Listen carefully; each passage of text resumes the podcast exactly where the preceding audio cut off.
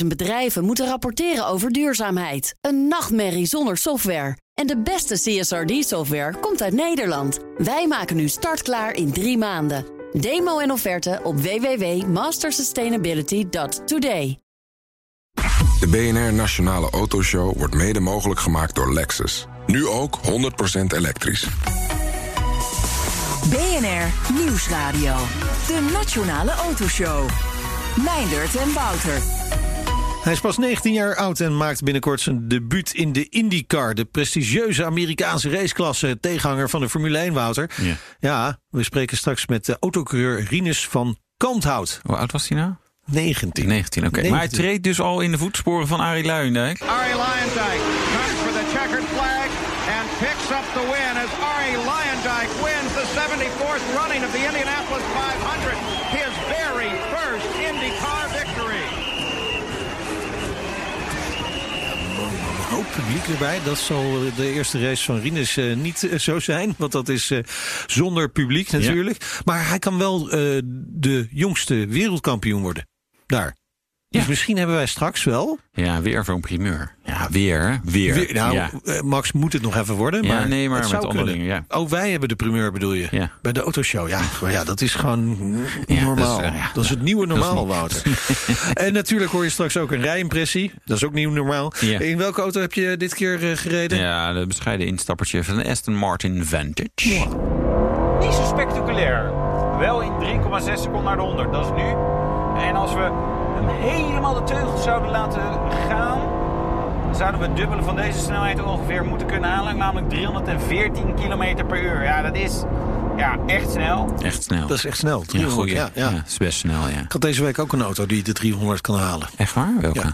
Eh, de BMW M8 Grand Coupé Ah, Competition. Oké. Is die, eh, was die onbegrensd, deze dan? Ja, Het begint op 3,5 dan? 3,5. Ja, Ja, Ah, ja, mooi. Ja.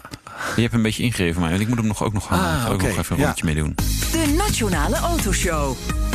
Nog even en dan betreedt een nieuw merk de Europese automarkt. Link Co, opgericht door het Chinese Geely. Dat eh, natuurlijk ook eigenaar is van Volvo. Maar het als eh, businessmodel totaal anders gaat doen dan we gewend zijn in de autosector, eh, Wouter. Ja, spannend weer, hè? Ja, ik ben benieuwd. Ja, nou ja. Oh. Ik denk, bij Link koos hij zelf ook wel ergens misschien. Hè, Dat denk toch? ik ook wel. We gaan erover praten met Alain Visser, CEO van Link Co. Welkom in de uitzending. Dankjewel. Ja. Eh, waar bent u op dit moment? Ik ben in Göteborg in Zweden. Ah, kijk. Lekker internationaal. Ja, inderdaad. ja. ja, Nou, maar- daar heb je wel de meeste vrijheid zo'n beetje nu, eh, toch? Daar krijgen we heel wat over te horen nu. En dat is inderdaad ook zo. In contrast tot alle andere landen in Europa is hier alles relatief relaxed. Ja. En alles is open. Bijzonder, hè? Dat toch die verschillende aanpakken. Maar goed. Ruim twee jaar geleden was u in Amsterdam, waar Link Co. een grote presentatie eh, hield. We hebben elkaar toen ook gesproken. Voor de luisteraars die dat gemist hebben... en die misschien ook wel denken, ja, Link Co. wel eens wat van gehoord... maar het lijkt wat stil. En wat, wat maakt Link Co. anders dan eh, andere automerken? Wel, ik, ik zou durven zeggen, ik was eigenlijk verrast dat je in het begin zegt dat de automarkt met een nieuw merk. Want wij zien ons eigenlijk niet deel uitmaken van de automarkt. En ook niet helemaal vergelijken met een automerk. En ik zeg altijd het verschil tussen een traditioneel automerk en Link Co. is dat een automerk auto's verkoopt en wij verkopen mobiliteit. Oh, dan moet hij bij een ander programma zijn. Misschien. Nou, dat is het kortste interview dat heb gehad. Nee, maar het gaat inderdaad om, om, om eh, mensen toegang te geven tot mobiliteit. En daar hoort nou eenmaal eh, regelmatig ook wel een auto bij. Inderdaad, en wij hebben dus ook een auto, maar die staat eigenlijk niet in het middelpunt. Ook al is het een bijzonder sterk product dat, zoals jullie weten, op de architectuur en de technologie gebaseerd is van een Volvo XC40. Eigenlijk identiek technologisch, maar een heel ander design.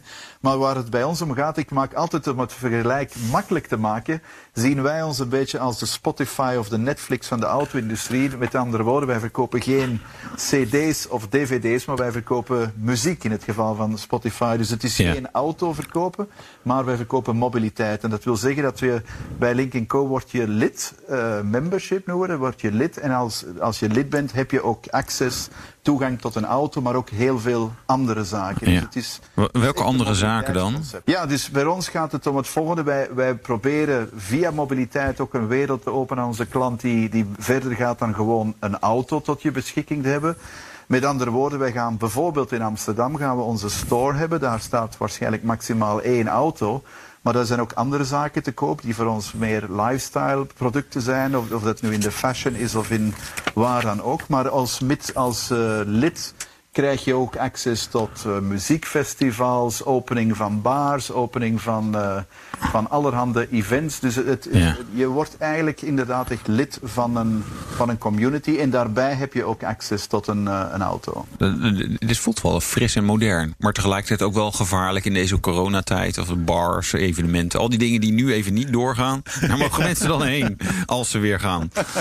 Toch? Hoe de wereld zal veranderen na corona weet niemand, ook ik niet. Nee. Ik denk als er misschien één ding duidelijk is, is dat, je, dat waarschijnlijk hoe langer hoe meer autoklanten hebben ingezien dat een auto te bezitten permanent niet, niet noodzakelijkerwijs het best, de beste optie is. Nee. Maar gewoon access hebben tot een auto misschien een betere oplossing is dan gewoon een auto te bezitten. Want Ja. uiteindelijk al die auto's hebben er nu drie maanden stilgestaan. Dus ik Ja. denk wel dat beeldje helemaal niet verandert. En ik zou b- bijna durven zeggen dat door corona dat beeldje eigenlijk versterkt wordt. Ja, dat zou best wel kunnen. Nou, het is wel grappig. Ik ben- Mijn eh, kinderen die zeggen dan... ja, deze film hebben wij ook op Netflix of op YouTube. Ik denk, ja, die hebben wij dus niet... maar we kunnen er wel, zeg maar, we hebben er wel toegang toe. Dus dat is wel inderdaad een, een andere manier eh, van, van denken.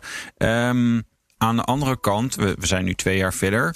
Eh, hi- hier in Europa zien we niet zoveel van Link Co. Eh, ehm, wa- waar staan jullie? Wat hebben jullie bereikt? Ja, ja, wij hebben nog niks bereikt. En ik denk daar moeten we ook gewoon heel open over zijn. Omdat ook de doelstelling tot op heden ook nul was. Wij hebben in Europa nog niks bereikt. Omdat Ja. we eigenlijk ook gezegd hebben. Laten we met de bekendmaking van het merk beginnen. Zodra we eigenlijk klaar zijn om ook iets te, aan te bieden. En dat Ja. kan, gaat dus in de volgende maanden gebeuren. Maar wat we wel bereikt hebben is dat we het merk ook getest hebben in China. Want daar zijn we wel eh, live gegaan ongeveer twee jaar geleden.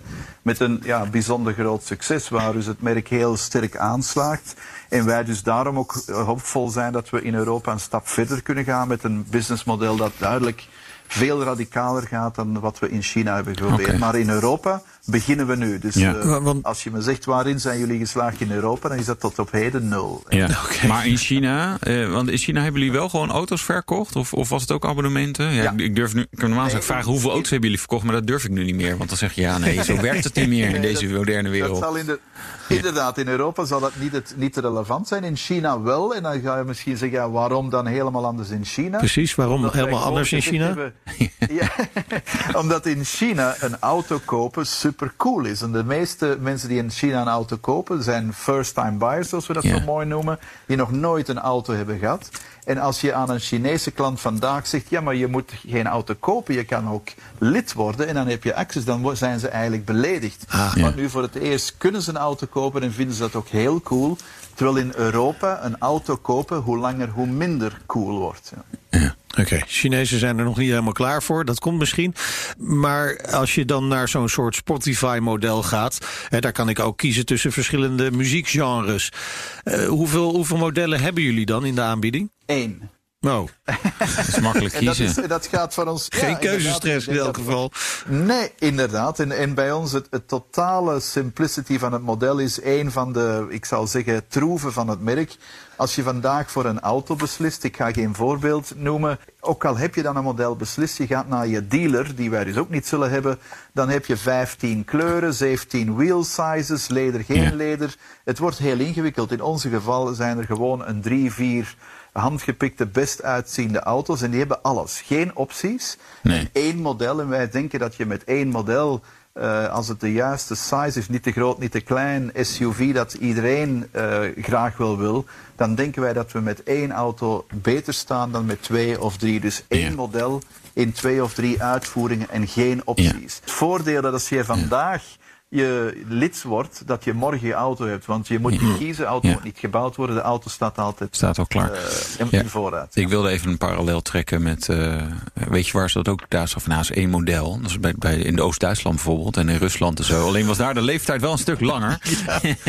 nee, ken- weet je waar ze dat ook doen? Bij Mini. Bij Mini hadden ze in het beste jaren één model. En, Ja. en als je, kijk, als je naar andere premium branches kijkt, als je een mooie jasje ziet van Prada, dan zeg je niet ik wil het in groen met gele knopen.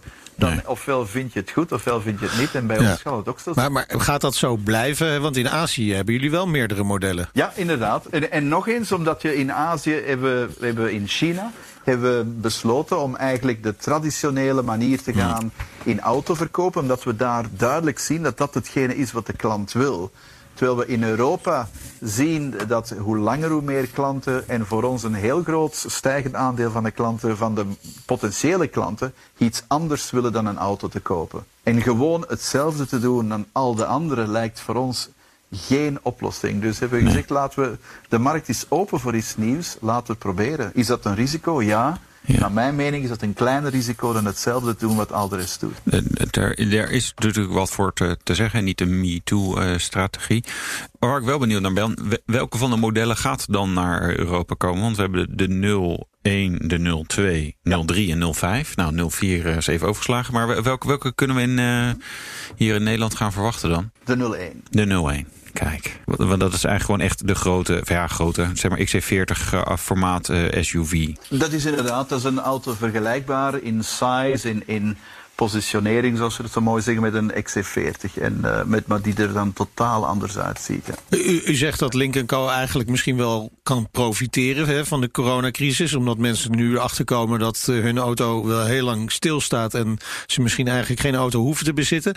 Eh, versnelt dat toch de zaak? Of past dit helemaal in de plannen van Link Co? Je kan nooit zeggen dat corona helpt. Het zou een, een vreselijke Ja. zaak zijn. Maar ik denk dat corona hoe langer, hoe meer en inderdaad nog sterker de, de, de mensen doet inzien dat het bezitten van een product auto zeker niet de beste oplossing is.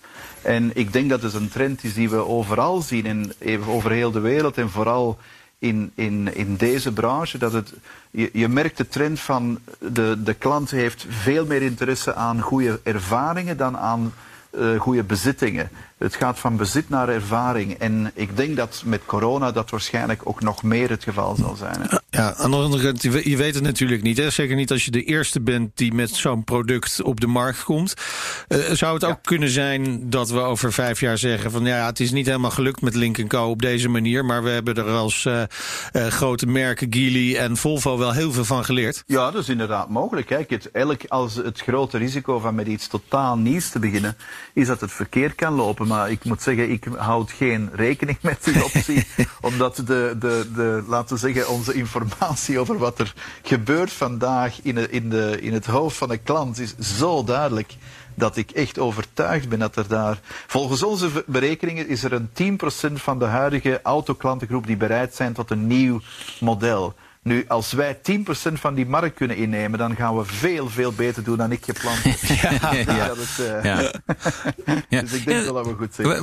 Maar, wat zijn doels- doelstellingen voor Link Co, voor, voor Europa? Waar, waar, waar zou, waar zou het merk moeten staan over een paar jaar? Wel, het- wij willen dat het merk staat binnen een paar jaar zoals, en ik, ik zeg het, ik blijf het, het, eh, de vergelijking houden, zoals Spotify staat nu, dat je, dat je zegt, ik koop geen auto, ik word lid van Link Co. Ja. En dat het een coole brand is waar de mensen zeggen, ik word Ja. er lid van en ik Ja. ga niet meer naar een dealer om een auto te kiezen.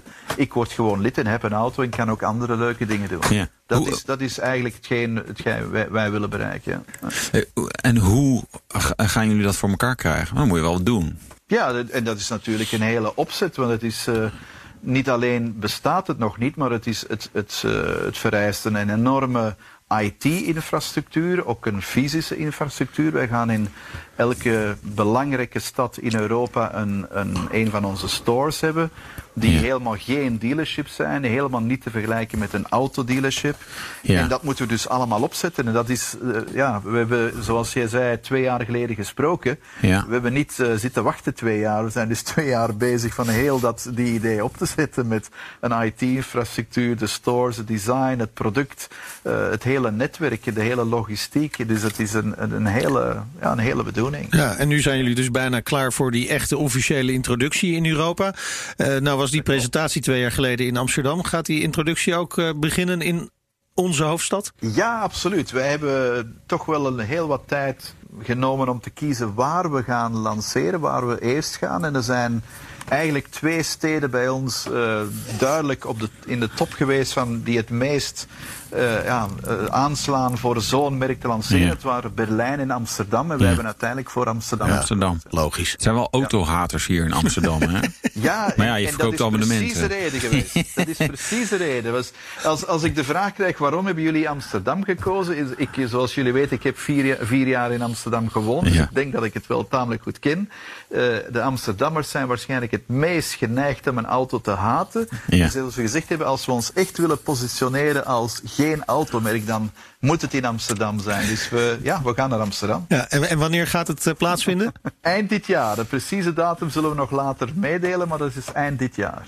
Oké, dat is een rekbaar begrip, hè? Eind dit jaar altijd. Dus dat, dat is na de zomer of is dat vlak voor kerst? Eh, dat, is, eh, dat is meer vlak voor kerst als na de zomer. Ah, Oké. Ja. Dan, dan- prima. En dan eh, hier in Amsterdam dus, met een SUV. Dat is ook nog wel een beetje gevaarlijk. Want daar houden ze ook niet van eh, hier bij de gemeenteraad. Is die wel elektrisch? Ja, de- inderdaad. Wij gaan dus enkel met elektrische auto's op de markt komen. In het begin hybride en dan later vol elektrisch als de markt er klaar voor is. En eh, ja, SUV, kijk, je gaat zeggen waarom SUV in de stad. Als ik iets geleerd heb in de auto-industrie, dan is dat de grootste trend van welke auto's Ja. mensen kopen. Is de mensen kopen vooral auto's die ze niet nodig hebben. Ja, maar ze moeten ze nu niet kopen, hè? inderdaad. Dus Ze moeten een abonnement nemen. Ja, ja. Wat, wat kost het ongeveer, zo'n abonnement? Dat is natuurlijk een beetje een Eh, aanvraag. Kijk, Spotify is lekker voordelig. tientje. Tientje, Ja. tientje. Nou, Ja, ja, ja. Het is, ja, we zullen iets duurder zijn dan Spotify. dat kan ik je nu al zeggen. Maar de precieze prijs kan ik je nog niet zeggen. Maar wij hebben ook altijd gezegd, voor zo'n model... het zal zeker geen goedkope oplossing zijn... maar het zal in vergelijking met eender welk ander model... zoals leasen, renten of een auto te kopen... Is het, gaat het een bijzonder aantrekkelijke Oké. aanbieding zijn. En ik denk, eh, maar de prijs precies kan ik je nog niet zeggen. Nee, 400 euro per maand, denk ik. Denk jij, Meijners? Ja, dan Zoiets. zit je er dichtbij, denk ik. Dan zit je er dichtbij. Nee, ik zit ook wel zal naar die. oh, je hebt ook die abonnementen voor Volvo. Die liggen wat hoger, denk ik, toch? Ja. Ja. En Ja, eh, die, het is dus de 01 die naar eh, Europa en dus ook naar Nederland komt. Wordt er nog iets aan aangepast om wat meer eh, aan te haken op de Europese smaak? Ja, absoluut. Ja. Dus die, die auto is anders ook dan de auto die nu in China op de markt is. En vooral hetgeen dat het interieur is anders, maar hetgeen we vooral aan gewerkt hebben is de, ja, wat wij zeggen, connectivity. Dus alle zaken die om, om je in de auto ook altijd connected te zijn met wifi, met allerhande apps. Dus dat is het, het grote verschil in, eh, in Europa. Ja. Dus dan kun je ook gewoon nog je, je Spotify luisteren, je Netflix filmpjes. Ja, precies. Lekker hoor. Absoluut. Hè? Absoluut. Nou, nou nog een chauffeur erbij. Ja. Kan dat ook nog? Het wordt wel duurder, Meijers. Oh ja, nee, laat maar. We zijn heel benieuwd hoe het eh, allemaal gaat eh, aflopen. En eh, wanneer de introductie zal zijn. Precies, hartelijk dank. En eh, we wensen u veel succes. Alain Visser, CEO van Link Co. De rijimpressie. Ja, we zitten deze week toch een beetje in eh, de categorie Reasonable Priced Cars, eh, Wouter. Ja, het is zeker niet de duurste in het gamma Nee, daar. daarom. Dus eh, ik vond het redelijk bescheiden. Vind ik ook. Ja. We stuurden Wouter op pad met de Aston Martin Vantage. Klinkt die goed, hè? Echt weer een radioauto dit. Aston Martin. Vantage. Niet heel erg nieuw, maar ja, we hadden hem nog niet gereden. Dus ik offerde mij op op bevrijdingsdag, maar liefst. hè. Dat is eigenlijk een vrije dag natuurlijk, zo eens in de vijf jaar. Eh, maar goed, het is wel een Engelse auto met Duits kenteken. Dus dat geeft wel gemengde reacties van de mensen. En dat maakt natuurlijk best een bak herrie. Ehm Aston Martin Vantage, ja, feitelijk zeg maar het instapniveau bij Aston Martin. Eh, lekkere sportieve auto. Dat is wel grappig, want dat was eigenlijk nooit zo. Even kijken, ik had op. Ja, van de vorige V8 Vantage. En was ook als V12 Vantage trouwens. Ehm, mooie, gave auto. Maar ja, weet je, als je hem dan vergeleek met, met andere sportauto's. Ik wil geen namen noemen, maar bijvoorbeeld de Porsche 911. Dan dacht ik altijd, ja, ja, ja mist wat scherpte. Wel een gave auto, word je hebberig van. Deze lijkt qua karakter veel meer ja, daar naartoe opgeschoven. Um, nou ja, qua geluid al, maar ook gewoon qua rijden en sturen. Hij heeft ook een mooi elektronisch aangestuurd sperdifferentieel. Eerste keer voor Aston Martin, zo stond in het persbericht. Oh. En dit. Oh, de zet die stappen. Vooronder ja, een V8, maar niet de oude V8 zoals ze die zelf uh, hadden. Maar een geheel nieuwe, een Hot V, 4 liter groot en afkomstig uit tada, tada, Duitsland, af Alterbach om precies te zijn. Dit is namelijk het Mercedes AMG-blok. Um, ja, er is uh, een eigendomsverhouding inmiddels tussen Mercedes en Aston Martin. Nou, kan je het jammer vinden dat Aston Martin moet uitwijken naar Duitsland voor het gebruik van een blok. Maar dit is, dit is, dit is zo goed. Zoveel power, uh, zo'n mooi geluid, uh, relatief betrouwbaar. Nou ja, noem maar, maar op. Er is tuning voor. Want ja, nou voor de AMG-modellen doen ze dat. En kan het voor de Aston Martin Vantage ook. Dus eigenlijk niks te klagen. Zeker ook niet qua specs. 510 pk. Dus even stilstaan. We doen even launch control. Uh, 685 Nm koppel. Uh, kijk, dat is je launch active. Ja hoor. Niet zo spectaculair. Wel in 3,6 seconden naar de 100. Dat is nu.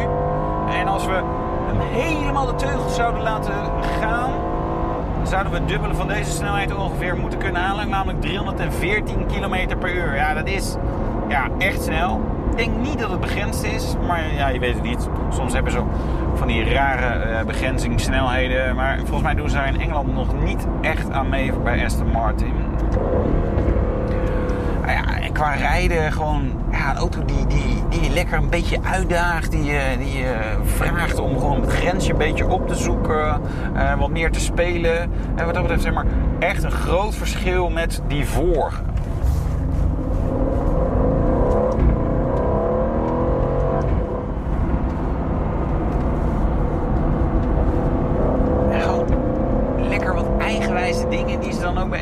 Martin doen. Hè. Bij de meeste fabrikanten draaien de flippers achter het stuur mee. Aston Martin hebben gewoon grote flippers die blijven staan. Zo weet ik altijd dat rechts opschakelen is en links naar beneden. Dus eh, links zo naar beneden. Ik rij vrij hard. Gros asfalt. Je hoort misschien niet eens meer die V8. Maar je, dat zijn van die dingen die gewoon, ja, weet je, een ander karakter eh, wat dat betreft. Binnenin het is vooral sportief. Niet per se chic, wat je misschien wel bij een Aston Martin uh, zou zoeken. Uh, zwart leer met rode stiksels, wat carbon elementen, waaronder ventilatieroosters bijvoorbeeld. Een navigatiesysteem. Als je goed gaat kijken, dan ga je het herkennen waar het vandaan komt. En waar komt het motorblok vandaan? Nou ja, eigenlijk bij Mercedes-Benz. Navigatie dus ook. Maar ja, dat werkt wel heel erg goed. Dan heb je gewoon meteen alle moderne technologie, inclusief ja, zo'n touchpad waar je mee dingen kan selecteren, maar waar je ook op kan schrijven en gewoon makkelijk uh, invoer kan doen. Dus je kunt daar eigenlijk niet over klagen dat Aston Martin dat tegenwoordig gebruikt. Ja, dat vind ik dan wel bijzonder, toch echt een beetje, eh, Wouter. Toch wat, wat Mercedes-invloeden. Uh, toch die Duitsers weer. Ja, zo'n dus- oer-Brits. Is dat nou slecht? Het is toch gewoon een hele mooie technologie? Nee, maar ik, ja, wel. Dat, maar dat, dat, Wat wel bijzonder is, het hoort een beetje uit elkaar. Je moet wel Aston iets kunnen blijven kiezen. Aston Martin, Red Bull Racing en Mercedes AMG eh, Formule 1 team zijn hartstikke concurrenten. En dan voor straatauto's werken ze weer samen. Ja, het En is een gekke wereld. Ja, is toch? Ja, zo'n gekke wereld. Nee, ik, ik denk, weet je, als je dan toch moet shoppen, dan maar bij een bedrijf als eh, Mercedes. Die, Ja, dat een begrijp ik wel, maar dan wordt het allemaal heel betrouwbaar. Terwijl Ja, eh, de, saai, charme van de Ja, is de- Engelse zijn auto... auto's dat er af en toe iets afvalt. Ja, net zoals met Italiaanse auto's. Ja, precies. Ja. Vandaar Een het verkoopsucces van die. Italiaanse auto's. Oh nee, Ferrari gaat dan wel weer goed natuurlijk. Maar hartstikke goed. Maar ja, Ehm, daar ben je ook steeds aan aan het klussen. Ja, ja oude, misschien De oude nieuwe. zeker. Nieuwe zijn, ze hebben volgens mij zelfs tot 15 jaar garantie nu eh, bij? Ferrari. Ja, ze hebben allerlei jongens, dingen. zijn Kia joh. voorbij. Het is niet te geloven. nee, joh. Ja, gewoon beperkt. Gewoon een miljoen, een miljoen maar, betaald. Maar, ja, ja, maar wat betaal je eigenlijk voor die eh, halve Mercedes? Vanaf 2 ton. Ik Twee vond hem wel erg leuk. Ik Ja? vond de vorige Vantage, de echt V8 wat maakt hem zo veel leuker dan? Ja, het is gewoon een beetje, weet je, zo'n auto die je aantrekt en die, waar je dan echt er maar echt lekker kan rijden. Gewoon, weet je, lichtvoetig, speels, echt sportief. Terwijl die vorige dat je altijd van, ja, ja, het is geen 911. Dit is ook geen 911, maar Nee. het is wel een waardige concurrent Oh, voor oké. een 911. Dat is wel, eh, wel leuk. Ja. Ja, Prijs? Twee ton, hè, had ik al gezegd. Ah, had je dat al Ja. gezegd? Ja, maar je wilt graag nog een keer, Ja. want je denkt, ja, zo weinig? Ja. Nou, ik, ik ga het nog even checken. Ja. Heb jij alle opties dan ook? Eh, nee, vast Nee? niet. Nee, nee, hallo, doe even normaal. Zo erg wordt het niet. De Nationale Autoshow. Wouter, het is tijd voor het autonieuws. Jazeker. Een week weer op zitten wachten. Ja, Ja, en, en er was ook wel echt nieuws. Hè. Er is echt nieuws. De Ja. nieuwe Porsche 911 Targa. Breaking nieuws. Nee, het was geen grote verrassing. Toch weer leuk. Ja, ik vind het Targa wel heel erg mooi. Ik Eh, ook. alleen, ze luisteren nog steeds niet echt naar mij eh, bij Porsche. Dat vind ik dan weer gek. Ja, vind ik ook gek. is jammer, hè? Ja. Nee, alleen met vierwielaandrijving te krijgen. Hmm. Dus alleen maar als 4 en 4S. Terwijl ik ben, weet je, ik, ik bedoel, ik heb op de sneeuw en op ijs en zo met een 4S gereden. Toen dacht ik, ja, fantastisch. Maar hier in Nederland op asfalt denk ik, nee, doe maar gewoon lekker achterwielaandrijver. Scheelt gewicht. Is beter voor het milieu, minder CO2-uitstoot. Ook nog wat sneller, vind ik ook fijn. Eh, dus ja, dat is jammer. Maar goed, verder wel, ja, had je die Targa beugel en die dakconstructie is natuurlijk gewoon fantastisch. Ja, daar zat ik wel over te twijfelen over die dakconstructie. Want dan Ja. denk ik weer gelijk, eh, al die scharniertjes kan allemaal kapot. ken allemaal kapot. En het heeft toch ook wel, hè, het Ja. heeft toch ook wel zijn charme dat je dat even met de hand doet. Eh, ja, zeker. Doe jij het met de hand. dan moet ik een wat ouder nee, kopen, denk ja, ik. ja, zeker. Nee, nou ja, tuurlijk. Nee, kijk, de charme van, van, van de, de ouderen... waarbij je dat allemaal zelf moest oprollen... en zo'n targedak in, eh, eh, voor in de zolder... Ja, in de Ja. schuur ging hangen. Ja, hier, fantastisch. Er zijn allemaal mensen die zeggen... ja, een LP klinkt ook weer zo'n Spotify. Ja, je vindt het allemaal fantastisch. Joh, dan ga jij lekker je LP luisteren in de auto. Komt trouwens vroeger, hè, had je van Philips een eh platenspeler... Oh ja, die in de auto... Ja, ja, zeker. Ja, moet maar zo googelen. Ja, Maar goed, zoeken. 9 Targa, ja, 4 4S, 385 of 450 pk. Het is heel voorspelbaar allemaal Ja. wat, wat Porsche natuurlijk doet. Want dit, dit is geen verrassing, Nee. maar toch gewoon goed. Interieur ook een verrassing. Eh, nee, ook Nee, niet. hè? Maar Dus- we gaan het er wel over hebben met Ivo Ja. van Nult hè, volgende week. Dus een Porsche design directeur. het is echt een heel fijn design als je gewoon zegt, nou, de vorige een klein beetje updaten, klaar. Ja, in, qua interieur niet. Exterieur, ja, de basisvorm is wel natuurlijk hetzelfde. Ja. Toch wel veel wijziging hoor. Nieuwe technologie. Nieuw te- ja, dat is je touchscreen en zo. Ah, mooi man. en je mooi. moet tegen kunnen praten tegen je auto tegenwoordig. En bij de weg. Ja.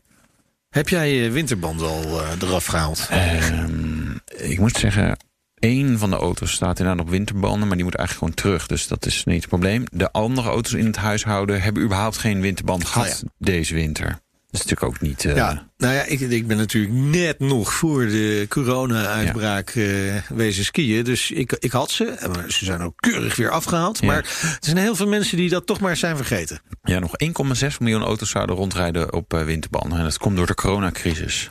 Ze hebben toch alle tijd? Ja, ik zou ook denken, joh, er zijn zat mensen die hebben tijd. Die kunnen dat gewoon gaan wisselen. Ja, het is Nou, je geld, kunt- ja, bang voor, geld, voor een besmetting. Ja, sorry, maar je kunt, het ook, je kunt het ook zelf doen, hè? Ja. Het, is niet, het is geen rocket science, Wouter. ja. Toch? Nee. Klikje eronder. Nee, ik verbaas mij sowieso mensen die dan een lekker band hebben... en dan die de ANWB gaan eh, bellen. En sta je anderhalf uur te wachten als het een beetje druk is... en dan eh, in vijf minuten uh, hengst dan zo'n ANWB-man die eh, de nieuwe band eronder. Dan denk je, nou, dat had je gewoon echt zelf Had kunnen je, doen. had je kunnen doen. Ja. Ja, dan Ja. ESP bestaat 25 jaar. Ja, dat is een mooi feest. Nou, weet je, het is een systeem wat ik ik maar zelf regelmatig uitzet. eh, hè, omdat Ja, het, al 25 jaar. al 25 Die grap maakte onze redacteur. Ja. Nou, het broek Al op. 25 Leuk, scherp was die vandaag. Ja, het is altijd wel fijn als het ook kan. Tegenwoordig wel steeds meer auto's waar het niet kan. ESP is zeg maar Electronic Stability Program. Dat betekent als je slipt, dan wankt hij dat op. Hè? Nee, ik oprecht natuurlijk een heel mooi systeem. Ik denk dat dit echt auto's veel veiliger heeft eh, gemaakt. Hè? Dat, je, dat je gewoon een, een aantal eenzijdige ongevallen eh, hiermee voorkomt. Hè? Zo van, oh ja, ik slipte opeens. En eh, nou ja, toen kwam die boom en die klap. Weet jij Eh, nog welke auto het als allereerste had? Ja, dit- met dit soort dingen is eigenlijk het antwoord altijd de Mercedes S-klasse. Ja, dat kan niet anders. Ja, dat Ja. was vroeger. Nee, dat, nou, dit is nu inmiddels niet meer zo. Maar er is wel gewoon met heel veel dingen. Is gewoon, ja, Mercedes S-klasse. Dat was de- in dit geval ook. Ehm, en dat kwam ook omdat het van Bosch was. Hè. Bosch, zeg maar van de accuboormachines. Maar ook elektronische onderdelen voor de auto. Doen ze ook. Meer dan 250 miljoen auto's zitten erop. Half miljoen ongelukken voorkomen. 15.000 Hoe levens. weten ze dat dan? Ja, dat weet ik ook niet. Dat denken ze. Dat is een schatting. Dat is een schatting. Een wilde, Natte- natte, natte vinger. Ja, weet je, dat moet kunnen toch. Ja, tuurlijk. Nou, Ja, nee, maar, nee weet je, een mooi systeem. nee, absoluut. En er Ja. heeft veel, veel eh, levens gered. Dus eh, chapeau. Wouter, weet je nog? Ja, ik weet nog heel veel dingen. Augustus Ja. vorig jaar. Ja, Schitterend weer, net als nu een beetje. Concours de Elegance in de tuinen van Paleis Soesdijk. ja, Eerste editie daar. ja. Klassieke auto's, nieuwe modellen. Het was heerlijk weer, inderdaad. Ik, uh, sterker nog, ik ben op zondag volgens mij nog teruggegaan met mijn buurman. Die dat ook ja, was je sleutels kwijt? Nee, die had zoiets. Ja, veel wel leuk om. Uh, hij wilde eigenlijk nog wat doen. Zie, weet je, anders rijden we daar naartoe. Gaan we gewoon nog even kijken, even een rondje gedaan. Het was echt oprecht uh, erg leuk. En we zouden weer, hè? Ja, we zouden eind augustus weer een uitzending maken. We hebben nu contact met Jan-Peter Nijmeijers, organisator van het concours. Welkom in de uitzending. Ja, en ik zeg niet voor niets zouden, want ja, we zijn niet welkom Nee, nee we, we zien het niet gebeuren om uh, dit jaar het uh, concours d'elegance te organiseren. Hij stond gepland voor eind augustus. We hebben hem al verplaatst naar de derde week uh, september. Maar het is gewoon heel erg moeilijk om een vergunning te krijgen. En je wil er toch een mooi autofeest van maken. En er zijn zoveel, ja, zoveel moeilijkheden dat we het gewoon uh, ja, niet zien zitten. Maar ik begrijp het toch niet helemaal. Het is buiten, grotendeels. Ja. Er is ruimte in die tuin. Je Ja. zou het ook in een wat kleinere vorm... zou je dat prima kunnen organiseren, toch? Ja, kijk, wij hebben, het is eh, 100.000 vierkante meter. eh, Nou. hè, dus eh, daar kun je best wel een hoop mensen kun je in die prachtige paleistuin laten, laten, laten rondlopen en genieten van de auto's. Maar er moet toch een vergunning komen. Ja, en daar heeft de overheid heeft daar toch natuurlijk een eh, belangrijk eh, deel in. En, Ja. Die zeggen gewoon, doen we niet. gewoon niet voor elkaar, voor elkaar krijgen. En Nee. het blijft een paleis. Het is natuurlijk een beste investering om daar een evenement te doen. Ja. Dat doe je niet met een paar honderd mensen. Daar moet gewoon een paar duizend bezoekers komen die genieten. Ja. Maar zeg jij hiermee van, goh, kijk, want eh, de, de gemeente moet volgens mij vergunning verlenen, toch? De, de- de- voor dit soort Ja, dingen? ja. Dat, dat de gemeente dus niet doorkomt? Of niet door kan komen? Ja, ik weet ook niet hoe dat precies zit, maar... Nou, kijk, die, die, die hebben natuurlijk met ons we hebben goed contact met hun en we hebben een prachtig coronaplan eh, geschreven. Maar zij, eh, ja, zij kunnen het nog niet in behandeling nemen, want ze weten niet wat de regels zijn van de overheid. Nee. En dat kan vanaf zes weken van tevoren. En dat is voor ons gewoon te dichtbij. Dan worden Ja. de risico's zo groot. eh, dat, dat moeten we niet willen. Maar is dit een beetje afhankelijk van die ene gemeente? Want eh, je zou ook kunnen denken, we verplaatsen het concours. Heb je al eerder een keertje gedaan. Ik weet toevallig nog dat er een aardig circuitje vrij ligt ergens aan de kust. ja, ja, bijvoorbeeld. Ja, ja, heel goed plan. Heel goed plan. Nee, het is, het, het is natuurlijk de wet van, van heel Nederland. In september mogen eigenlijk bij evenementen met, eh, met 100 mensen. Ja, en wij willen er een, eh, toch een paar duizend hebben. En ja, dat is een wet van Nederland. En de gemeente Naarden, die, eh, Baren, die, ja, die heeft zich gewoon aan de regels te houden. Dat is natuurlijk wel weer waar. Wat ik op zich wel interessant vind, want je zegt hè, zes weken van tevoren kunnen ze iets zeggen. Dit geldt dan eigenlijk voor alle eh, e- e- events. Hè? Dus, dus ook, ook bijvoorbeeld Formule 1, maar ook alle, al, al, ieder festival en dingen. Zo, die kunnen eigenlijk gewoon, gewoon met, met goed fatsoen. wordt er gewoon niks meer georganiseerd bijna dit jaar. Ja, je hebt een vergunning nodig en die vergunning wordt, eh, wordt verleend. En ja, eh, dus kun je daar geen vergunning voor krijgen, dan kun je het niet organiseren. Dat geldt Nee. voor heel veel evenementen. Ja. En misschien wordt het wel beter, hè? Bedoel, we, gaan, we zitten al, het gaat allemaal langzaam weer wat beter. Ja, ja de kinderen mogen zo weer naar, straks weer naar school. Ik ben, ach, de vlag ging uit bij ons hoor. Nou, bij ons ook.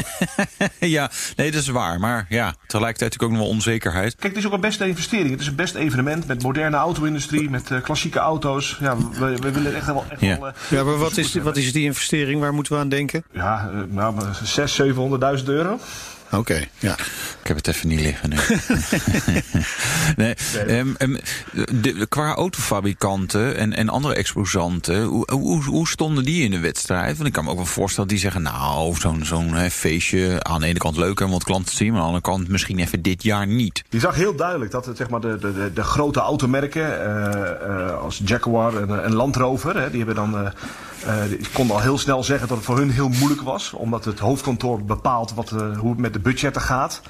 Ik had een heel fijn contact ook met, eh, met Renault en met, eh, met Mazda. Ja. Die hadden best interesse, want die willen toch eh, in het tweede gedeelte of het derde gedeelte van het jaar willen ze best wel actie hebben. En dan Ja. is een evenement natuurlijk fantastisch. Die waren heel geïnteresseerd. Tuurlijk gepast, hè. Ik bedoel, we gaan geen risico's nemen. Maar eh, die hadden best interesse. En hoe ver waren jullie dan met de organisatie ervan? We waren heel ver. Het plan lag klaar. Er waren eh, sponsorcontracten klaar. Eh, mooie lijst met auto's voor het concours. En we waren gewoon al heel erg ver. En eh, we beginnen eigenlijk al een week na eh, het laatste ja, poort te sluiten van het concours. En dan beginnen wij een week later alweer aan, aan het nieuwe concours. Ja. Dus ons plan lag klaar. We, waren, ja, we stonden in de startblokken. Ja. wat betekent dit voor jullie als eh, organisatie? Nou, dit is, dit is flink. Ik bedoel, we hebben geïnvesteerd. Eh, we hebben, Ja. we- ja, dat, dat, dat is naar. Ik bedoel, we- dat, dat is eh, best een geldprobleem natuurlijk. Maar dat, dat, dat komt wel goed. We hebben, Ja. Onze grote financiële risico's komen eigenlijk pas vanaf nu. Nu ga je de grote betalingen doen. Ja, daar, Ja. Zijn we, daar zijn we nog niet. Maar dat wil niet zeggen dat we, dat we, dat we flink geïnvesteerd hebben. Dat zijn Nee. we wel kwijt. Ja, en je verdient natuurlijk ook niets dit jaar als je het niet organiseert natuurlijk. Dus ik kan natuurlijk zeggen, ja, ik, hoef, ik hoef de huur van het paleis niet te betalen. Maar ja, je hebt, eh, je hebt ook gewoon geen inkomsten daar. Dus Nee, we hebben ook nog eh, huur van ons eigen kantoor natuurlijk. ja. Hè. En, nee, hoe kan je ook opzeggen? Je kan gewoon thuis gaan werken tegenwoordig. ja, ja, maar dat vind ik zo ongezellig. Ja, dat is, dat is soms wel waar. Maar overleven jullie dit? Zien we jullie volgend jaar gewoon een nieuwe ronde, nieuwe kansen? Ja hoor, tuurlijk. Ja? We gaan eh, voor eh, het laatste weekend augustus eh, 2021. Dan eh, gaan we voor het tweede concours d'elegance uh, Ja. Soesdijk. Ja. En eh, we hebben nog wel wat leuke ideeën hoor, om, om in, in, toch nog wat te doen in dit, eh, in dit 2020. Eh, een de mooie Tour de Elegance met misschien een hele mooie klassieke auto's rond het paleis. Met een mooie Royal Picnic. Je kunt wel voorstellen als je daar mooie klassieke auto's in die voortuin zet. En het zijn er misschien maar 60. Die doen een picknickje, ruim uit elkaar. Ja, dat dat het misschien heel elegant eh, is om toch wat te doen. We hebben een aantal leuke masterclasses eh, klaarstaan om in het najaar en begin volgend jaar op Soesdijk in de Orangerie een mooie masterclass eh, te organiseren over ja, een stukje autogeschiedenis, autodesign, Dutch design. Ja, volgend jaar 125 jaar auto in Nederland. Dus we hebben eigenlijk heel veel te vertellen. Nou. We gaan wel dingen organiseren om ons publiek eh, te interesseren. Ja, 125 jaar auto in Nederland volgend jaar. Wouter, wist jij dat eigenlijk? Eh, nee. Ik had hem ook niet zo even paraat. Ja, Moeten we wel eigenlijk iets mee gaan doen, hè? Ja, ja moeten we 125 auto's gaan rijden. Zoiets. Ja. Oh, leuk, van elk Ja. jaar één. Ja, ja. Nou, ook werk weer.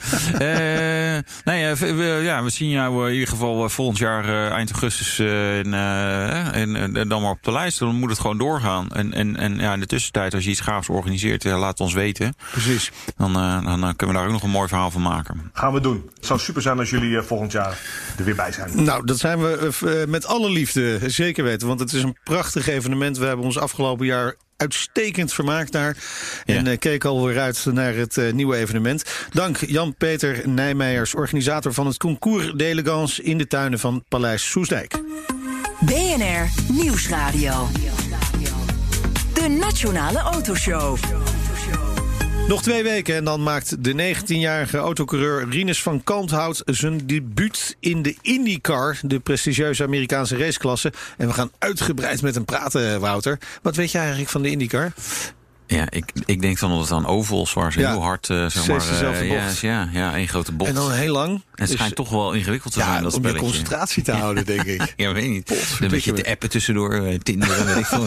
Nou, en zouden je banden ook onregelmatig slijten? Ja, dat wel, ja. ja. Maar IndyCar is natuurlijk stu- een stuk meer. Maar eh, we, we zien er wat weinig van in, Maar- eh, in Nederland. Ja, en Nee. misschien heeft hij wel tips voor, voor bijvoorbeeld Max... voor Ja. eh, de Grand Prix van Zandvoort natuurlijk. Hè? De Dutch Grand Prix, want daar hebben we ook De kombocht. de kombochten. De kombocht. Ja, Rinus, welkom in de uitzending. Ja, dankjewel. In Amerika beter bekend trouwens als Rinus VK, toch? Ja, ja, dat klopt. Ja, van Kalmthout is wat moeilijk uit te spreken daar. Van Ja. Kalmthout. Dus, Ik denk dat best kan. Ja, VK komt wat Amerikaanse over. Zeg. Maar heb, Ja. heb je dat zelf bedacht? Ehm, ja, dat had ik toen in 2016 met mijn mediateam eh eigenlijk bedacht. Het begon eigenlijk als VK, want van Kalmthout. Ja. Alleen ja, dat is VK in Nederland, VK in Amerika. Oké. Toen had iemand dat een keer zo opgeschreven en toen is de naam ontstaan. Maar wacht even, je zei 2016. Dat is vier jaar geleden. Je bent nu 19. Toen was je 15. En Toen had je een mediateam. En toen had je een mediateam. Ja, ik zie waar onze carrières nu zijn Ja. gaan, Meindert. Al toen al. Oh, Ja. hallo hé. Ja. ja, daar was je al vroeg ja, bij dan. begon het allemaal maar net hoor. Oké. Ja, ja, ik eh, was eigenlijk wel een beetje normale leeftijd. Een beetje... eh 16 was ik toen mijn debuut maakte in Amerika. Tuurlijk, eh, het lijkt allemaal zo vroeg, maar ja, je mag op je 14 al je resistentie halen. Nou, Ik, dat, eh, dat hoort er ook wel een beetje bij. Hè? Bij, bij, bij racen, je moet er vroeg bij zijn. Anders heb je al een enorme slag gemist. Ja, zeker. Je moet zo vroeg mogelijk eh, ja, die eh, ervaring opdoen. En eh, dat heb ik zeker gedaan. En eh, ik denk dat ik mezelf eh, echt in mijn carrière perfect heb, eh, heb opgeleid. Kijk, nou, dat belooft wat van eh, voor het, het IndyCar eh, kampioenschap. Eh, Het seizoen had eigenlijk al veel langer bezig moeten zijn. Nou ja, dat geldt voor heel veel dingen. Coronacrisis gooit de eh, route in het eten. Ja, wat, wat doet een coureur als hij niet kan racen? hè? Wat ga je dan doen? Dan ben ik de hele dag aan het trainen eigenlijk. Ja? Maar Ja, wa- waarop ja, dan? Op, ik, op eh, fysiek of eh, vooral op de sim? Eigenlijk heel veel fysiek. Want ehm, ja, de goede IndyCar sim, die staat in eh, North Carolina. Alleen ja, die was, eh, die was ook dicht door het corona verhaal, zeg maar. Ja. Dus ehm, ja, ik heb gewoon eigenlijk elke dag, eh, nou, tussen de 4 en 6 uur getraind. Wauw. Fysiek, voor als het seizoen begint, zo, zo fit mogelijk te zijn. Ja. Nou, maar dan ben je nu topfit, lijkt mij toch? Als je er alleen maar aan het trainen. hè? Stierennek. Ja, ja, zeker. Ja. Ik ben wel een andere Rinus geworden, zeg maar. Ja? Twee maanden. Hey, mooi. Maar je zegt iets interessants. De, de, de echte goede IndyCar sim staat in North Carolina. Wat, wat is het verschil dan tussen zo'n IndyCar sim en een zeg maar een Formule 1 sim? De IndyCar sim is helemaal afgesteld zeg maar, op de IndyCar. Dus je kan zelfs eh, gewoon afstellingen veranderen aan de auto. Die hetzelfde, hetzelfde aanvoelen als op, op de baan. Dus het is echt één op één. En ehm, ja, voor de Formule 1 is het dan weer precies hetzelfde, maar Ja, ja. dan gemaakt voor Formule 1. Ja, Zit daar dan zoveel verschil tussen? Ik bedoel, een, auto, een auto is een auto toch? Ja, ik weet dat het niet zo is. Maar wa- wat zijn de verschillen Formule 1 en IndyCar? IndyCar is zeg maar ehm, een kampioenschap waar ehm, iedereen met dezelfde auto rijdt. Alleen zijn het twee verschillende motorleveranciers. Dus eh, eigenlijk rij je ook vier, vier seizoenen met eh, dezelfde, dezelfde auto. Ja. Waarbij de Formule 1 eh, ja, heeft elk team een andere auto, een zelf, zelf ontwikkelde auto. En allemaal verschillende motoren. Dus ja, bij de IndyCar is het wel allemaal wat gelijker.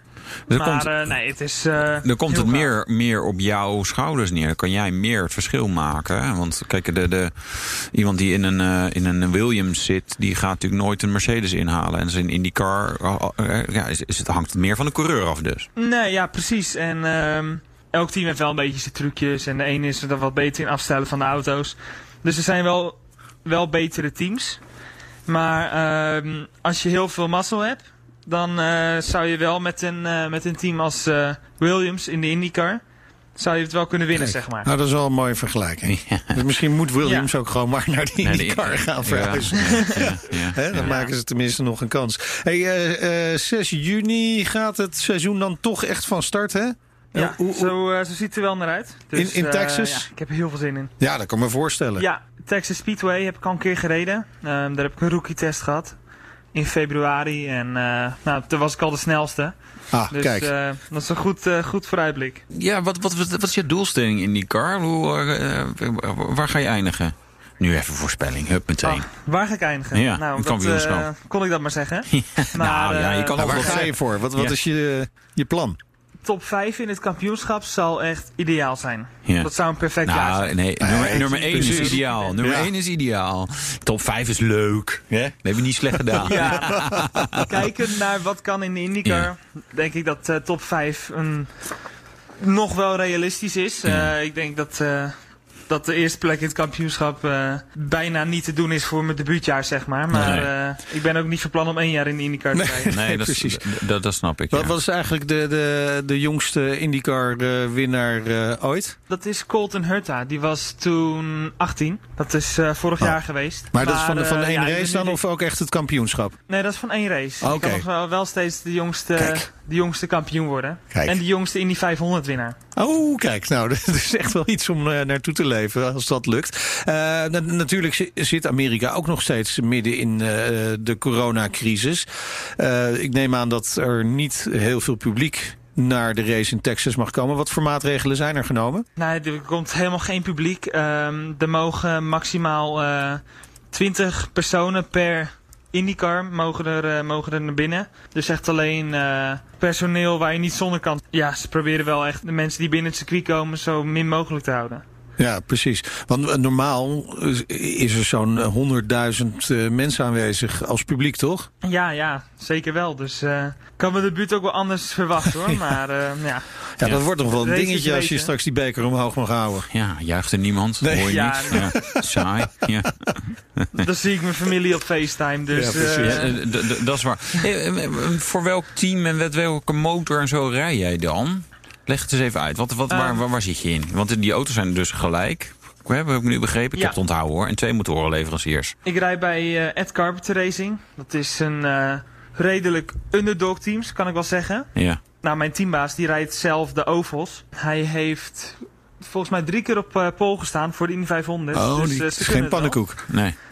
Het is geen pannenkoek en het team ook niet hoor. Dat is eh, zeker eh, ja, goed vooruitblik. Ja. Maar wel- En, welke eh, naam heeft het team nou? Want we moeten wel goed gaan opletten straks. Wat, wat zei je nou? Ed Carpenter Racing. Ed Carpet. Ik verstond eerst Ed Carpet eh, Racing. Het is een soort Oh, nee. Haagse eh, vloerbedekkingsgigant of Ja. zo. Ed Carpet. Valiteitse. Ja. Lekker de goedkoopste Ja, van het land per eh, stekende meter. ja, te ruig liggen rollenbollen. Ed Carpet eh, maakt het allemaal weer netjes. Ja, zoiets. Nee, maar ze zijn dus houthakkers. Geen pannenkoeken, maar houthakkers. Ja.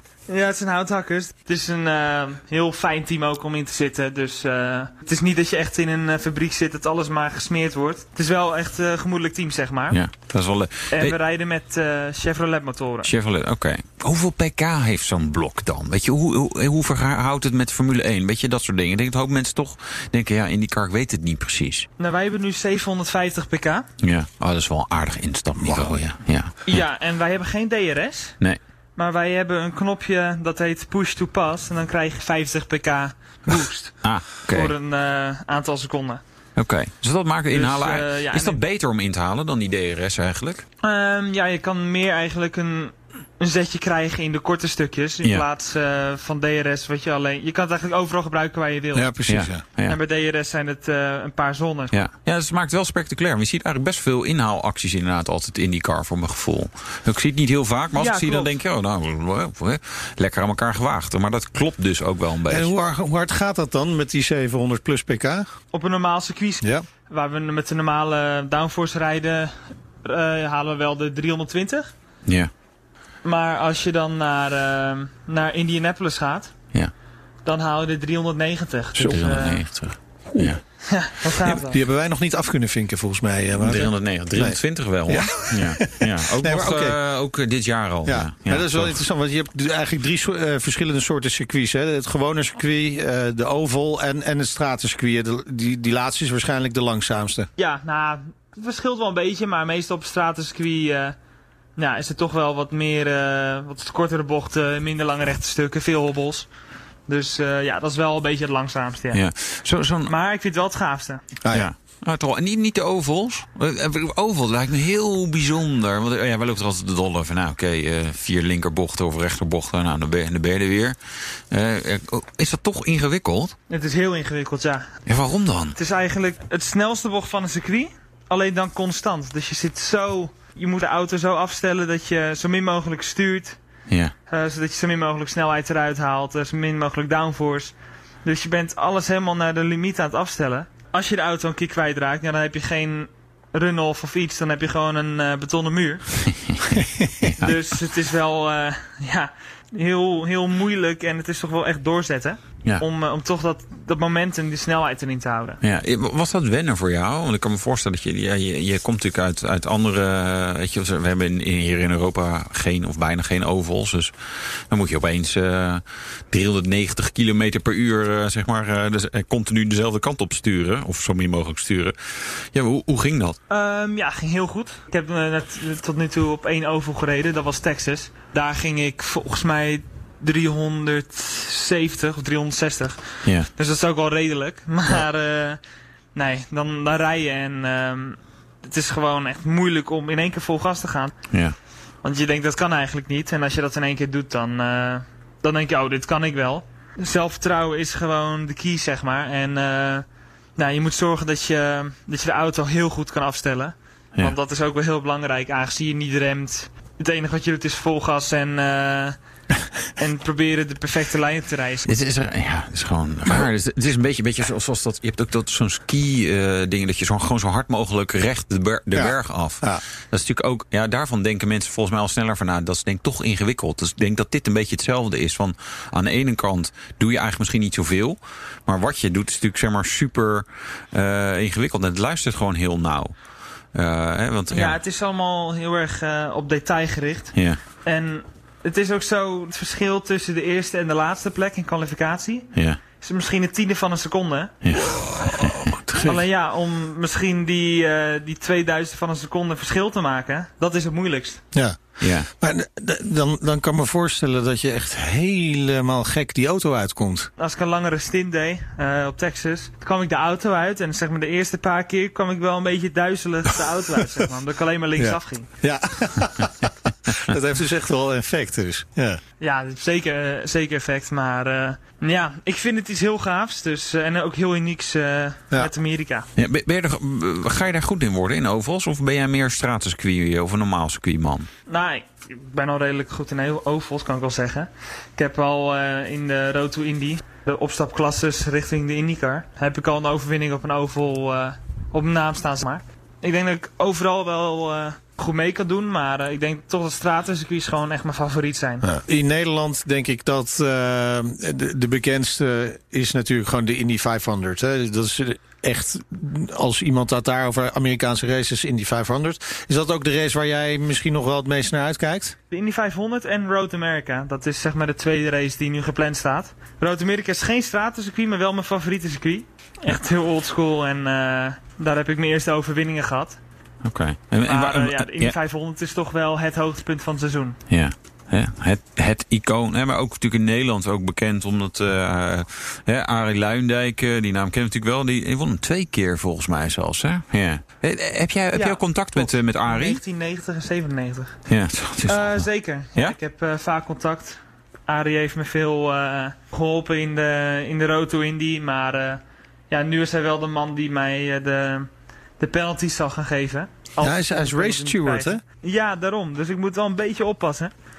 Dus nee, ehm, Ja, eh, we moeten zorgen dat het niet verkeerd eh, op wordt gevat. Dat Nee. Arie en Rines verhaal. nee. Eh, eh, En wat voor tips eh, heeft hij jou gegeven? Ehm, nou, op ovals meer eh, kleine tips eh, om sneller achter, eh, achter wat andere lijnen te komen. Ja, echt meer qua rijden. Ja, ook wel soms eh eieren voor mijn geld kiezen en, en gewoon gaan voor een tweede plek. Als het eigenlijk eh, het verschil is tussen risico all or nothing. Ja. Gewoon je punten pakken en voor het kampioenschap strijden in plaats van gek doen voor één race. Ja, ah, je, je, je moet ook een keer met Max Verstappen praten. Want die zit er volgens mij net eh, an- anders in, in, in dit soort dingen. Als je hem soms hoort. Eh, nou ja, deze is wel heel volwassen. Voor 19 jaar misschien wel Ja. te volwassen. Hè? Ik wil ook af en toe even eh, gewoon uh, kont tegen risico nemen. Nee, ik wil toch gewoon winnen. Of niet? Ja, nou, ik, ik wil heel graag winnen hoor. Ja, tuurlijk. Je, je moet heel veel risico nemen met racen. Maar ja, je moet wel eh, doordacht risico kunnen nemen en, niet, eh, en geen gekke dingen doen. Het is niet alleen slecht voor het resultaat, maar ook niet goed voor je naam. Ik eh, denk dat ik wel weet wat ik moet doen. Heel goed. Ja, heel goed. Hey, we, snakken hier natuurlijk naar een eh, mooie autorace. En de Formule 1 gaat nog wel even duren. Dus eh, mi- misschien gaan we de hele wereld wel eh, kijken. Ja, er is weinig sport sowieso. Daarom. Hè? Dus, nou, Dus dit ik- ik heb er wel zin in. Ja, ja waar, waar, kunnen, waar kunnen we het volgen? Weet je dat? Eh, het wordt uitgezonden op Ziggo. Oké. Eh, het is wel om eh, kwart voor drie s'nachts. Dus eh, Lekker dan. Nou ja, we ik kunnen denk toch dat allemaal de meeste uitslapen mensen hier. het wel op zullen nemen. En. Ja. Daarom, daarom. Ja. Dus nou, ik heb heel veel zin in en ik kan echt niet wachten. Maar, maar- nee, maar het is ook al best wel kort dag. Ben je op tijd in Amerika? Ja, dat is in, inderdaad wel een beetje verhaal met de grenzen die, die nu met Amerika dicht zijn. Maar eh, ja, we zijn, eh, zijn er hard mee bezig. Eh, we hebben heel management erop zitten, zelfs de IndyCar. Dus eh, dat komt helemaal goed. Cool. We gaan, we gaan je in de gaten houden en eh, gaan in ieder geval proberen te kijken. Ik zal mijn wekkertje zetten. Dankjewel en heel veel succes. Rinus VK Ja. van Kalmthout, autocoureur. Heel erg Hij bedankt. maakt, eh, graag gedaan, maakt 6 juni zijn debuut in de IndyCar. Cool. Dit was de Nationale Autoshow. Terugluisteren kan via de site, de app, Apple Podcast of Spotify. Je krijgt daar alleen al keuzestress van. En dan, dan moet je nog een leuke uitzending Je gaan moet kiezen. gewoon abonneren. Abonneren, alles terugluisteren, Precies. elke keer. Ja, wat moet je anders doen? Hè? Dat is toch super interessant wat wij vertellen. Daarom. Leuke gasten hebben we ook altijd. En Dus jij bent? Wouter Karsen, Ik ben Meijnerd Schut. tot volgende week weer. Doei. De BNR Nationale Autoshow wordt mede mogelijk gemaakt door Lexus. Nu ook 100% elektrisch. 50.000 bedrijven moeten rapporteren over duurzaamheid. Een nachtmerrie zonder software. En de beste CSRD-software komt uit Nederland. Wij maken nu startklaar in drie maanden. Demo en offerte op www.mastersustainability.today.